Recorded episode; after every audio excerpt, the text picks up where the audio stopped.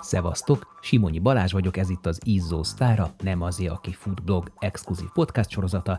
Ezúttal a 30. adásban Kovács Kriszta sportpszichológussal beszélgetek. Sokan szerettétek volna, hogy legyen sportpszichológiai adás, sőt még lesz is.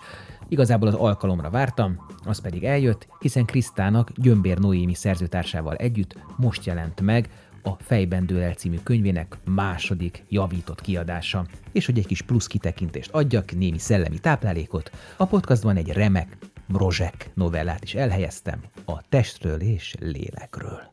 Ez az előzetes, a műsor pedig teljes terjedelmében a Patreonon érhető el. www.patreon.com per nem azé. Szoktak sokan sírni? Igen, Inkább jellemző, hogy sírnak? A... sajnos igen. Sajnos? Aha. Bér, ez nem jó, nem megkönnyebbülés a sírás? Hát egy ilyen, egyrészt jelent megkönnyebbülést, és másrészt jelent olyan problémákat, amik miatt sírni kell. Tehát, hogy nem feltétlenül teljesítményfokozás a cél, hanem probléma megoldás. Mert hogyha valaki jön mondjuk egy erős szorongási panaszsal, vagy valamilyen depressziós tünettel, mi lesz az első, amit így valószínűleg be fog dobni, mint segélyt, amit két kézzel hozzá tud nyúlni, a mozgás segíti a ö, problémákkal küzdőket abban, hogy hatékonyabban működjenek. Tehát, hogy Miközben sokan a, a, a problémáikat a mozgásból fakasztják. mi a csuda és az a sportpszichológia. Tehát, hogy legtöbbször egy ilyen ö, média által keltett kép van, hogy a sportpszichológus ott van az olimpikon mellett, és segíti őt jóban, rosszban, meg, és mindig ő az, aki mentálisan összeteszi az embert, miközben nem teljesen ez a kép. Tehát, hogy először szerintem az alapvető az az öndeterminációs elméletek, ami szerintem mindenkinek kötelező lenne tudni, hogy három pillér az, amivel megtartható és sportoló. Na, most Vagy figyeljetek, három pillér, igen. Jó, Egyens társaság. A sportpszichológia végül is két részből áll. Szól a teljesítmény sportpszichológiájáról és a testedzés sportpszichológiájáról. Tehát egy pszichológusnak meg kéne tanulnia jogázni. Tényleg? Hát minimum, tehát ugye a relaxációs módszereket azért illik ismerni, legalább saját bőrön. Tehát, hogy az összes relaxációs módszernek az alapága a joga is. Tehát ismernie kell a sportágs szabályait, a szakzsargonát, mert különben a sportoló nagyon csúnyán fog ránézni, hogyha a korlátot a telemás korláttal, esetleg a nyújtóval összekeveri. Ne keverje össze mert az főben járó bű a mi szakmánkban. Ahol tudjuk, hogy bizonyos sportágakban dolgozik sportpszichológus, vagy bizonyos sportolókkal dolgozik sportpszichológus, abban azokban a sportágakban tök nagy a nyitottság a sportpszichológia iránt. Azokban a sportágakban, ahol nem nyilatkozott, vagy nem eredményes sportág, tehát nem ilyen olimpiai is, hm, ott viszonylag kevesebb. Voltak ilyen nagyon kedves nemzetközi esettanulmányok azzal kapcsolatban, hogy hogyan lehet segíteni a hosszú távfutókat akkor, hogyha jön a fal. Elnézést nem tök mindegy, hogy a fal tényleg létező, vagy pszichológiailag konstruált, hogyha szubjektíve átéli az ember, akkor így is úgy is kell kezdenie vele valamit. Az igazi sportoló, vagy az úgy ismertetik meg, hogy a kellőképpen akarja. Ha nem sikerül valami, az azt jelentette, hogy nem akarja eléggé. És hogyha valaki... Na de van ez a mondás, hogy a nagy akarásnak nyögés a vége, nem? Meg Plusz még az a akaraterő. vécén kell akarni, meg ilyen.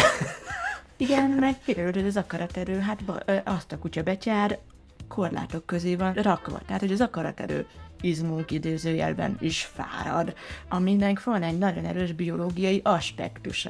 Milyen sportpszichológusokat ismerünk? Csak azokat, akik híres sportolók mentén ö, mellett vannak. Mi van a többivel? Tehát, hogy azért lettek jók azok a sportolók, mert sportpszichológussal dolgoztak? Biztos? Nem azért, mert egyébként a sportoló maga érte el ezt az eredményt. Mert van olyan helyzet, amikor ne legyen mentáltréning, ne legyen relaxáció. Miért?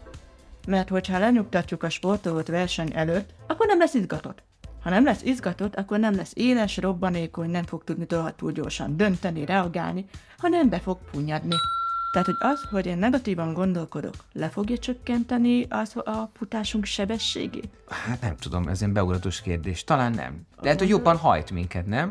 Hogy elkerüljük. Akkor ezek szerint most éppen azt mondtad ki, hogy bizonyos negatív gondolatokkal fokozható a teljesítmény.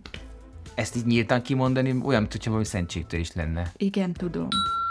De az, az a jó érzés mindig utólag lesz. Ott, abban a pillanatban pont a nehézség adja meg a szépségét. Tehát azt mondod, hogy ezek helyén való érzések? Miért ne lenne helyén való? Mondanál valamire, hogy nem helyén való? Minden érzésnek van helye? Nem, a pániknak például kimondottan, hogy a pánik reakciót kap a sportoló, nem helyén való. Tehát, hogyha ér, érzi a sportoló, hogy egyre jobban visszakapja a kontrollt a teste felett, akkor jó. A probléma már csak a rehabilitáció végén, tehát, hogy amikor már kezd visszatérni, akkor fog beütni. Maga a rehabilitáció folyamatában annyira nem, hiszen akkor meló van. Amikor már majdnem készen áll, akkor jönnek általában a mentális problematikák.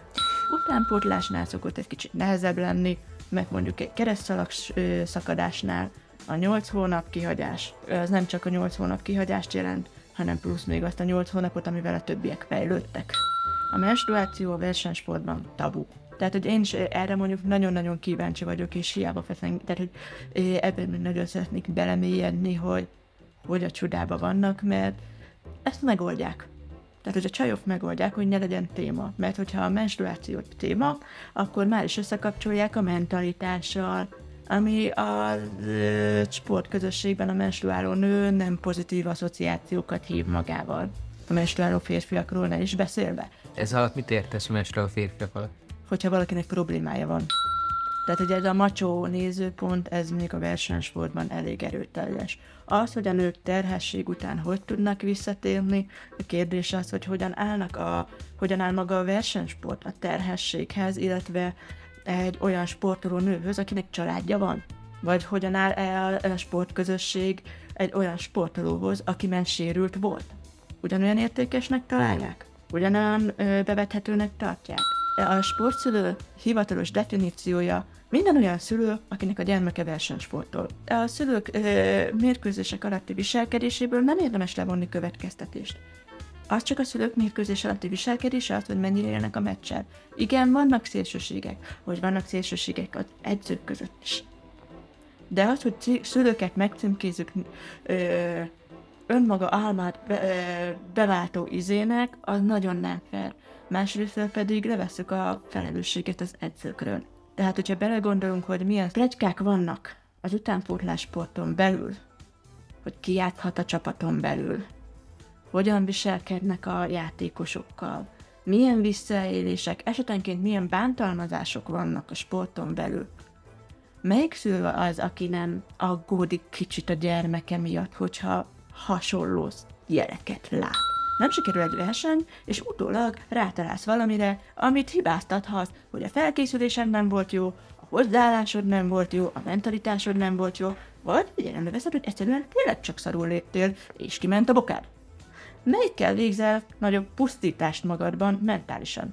Tehát, hogy a versenysportban azért nagyon életveszélyes, mert néha dekákat is túlsúlyos disznónak címkéznek. És ezáltal, hogyha a teljesítményt összekapcsolod a testképeddel, abból sosem szült eh, még semmi szép dolog ki. Tehát, hogyha szép a testem, eredményes vagyok, vékony vagyok, eredményes vagyok, az egy gyönyörű szép út az testképzavarokhoz, az evés problémákhoz, meg mindenhez. És ezért szoktuk mondani, hogy élsportban, versenysportban ez a testre való utalás nagyon-nagyon akmonna a mező. Jó, és akkor erre mit mondasz, hogy célszentesíti az eszközt? Ú, ú, ú, veszélyes játék. Ahogy a sportolónak is van választása, hogy eljön sportpszichológushoz, vagy nem jön el sportpszichológushoz, úgy az edzőnek is van választása, és ahogy a sportoló is szocializálódott egy bizonyos közegben, úgy az edző is, és ahogy a sportolóra is van teljesítménynyomás, úgy az edzőn is. El ne felejtsük azért az edző rosszabb, mint egy középvezető. Hogy ért, hogy rosszabb? Helyzetben van, mint elnézést, tehát rosszabb helyzetben van, mint egy középvezető.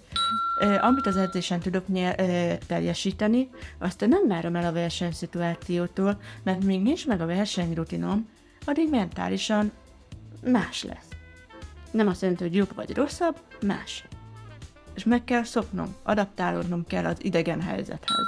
Versenyeken, amikor a szegény sportoló, aki éppen kijött a medencéből, éppen befejezte a versenyt, és esetenként nem úgy sikerült, meg nyilatkoznia is kell, nyilvánosan, Hát az ilyen véleménynyilatkozat lehet, csak nem ténynyilatkozat. tök mindegy, de akkor is, tehát, hogy ilyen még egyszer el kell mondani, hogy igen, nem sikerült hangosan kimondani, ez mennyire fájó. és abban a pillanatban a fájdalom jelenik meg, és nem minden esetben az, amit ténylegesen gondol már másnap kialudtan, higgadt fejjel. Ja, csak egy valami jött ki út közben, hogy a, nem minden esetben a személyiség és az eredményesség az két külön áges, nem hozható kapcsolatba egymással. Az összes többi tényező meg fejleszthető. Akkor mi a csodának beszéljünk bajnok típusról, hogyha azokat tudjuk fejleszteni? Miért akarunk ö, kategorizálni, hogyha nem fejleszthető, és igen, ilyenkor csúnyán szoktam nézni a bajnok típusúnál, mert ez egy kicsit ilyen régebbi. Bu- boomer, nagyon boomer szöveg, ugye? Igen.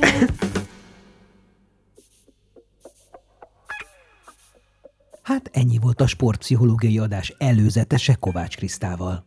Érdekel ez az adás? Akkor szállj be a finanszírozásba, legyél patronálója a 10 éve fennálló blog és podcast működésének, és férj hozzá további extra tartalmakhoz is, írott, vizuális vagy hangi formában, amik a futás, sport, mozgás, túrázás, vonzás körzetében levő izgalmas alakokkal, alakokról készülnek.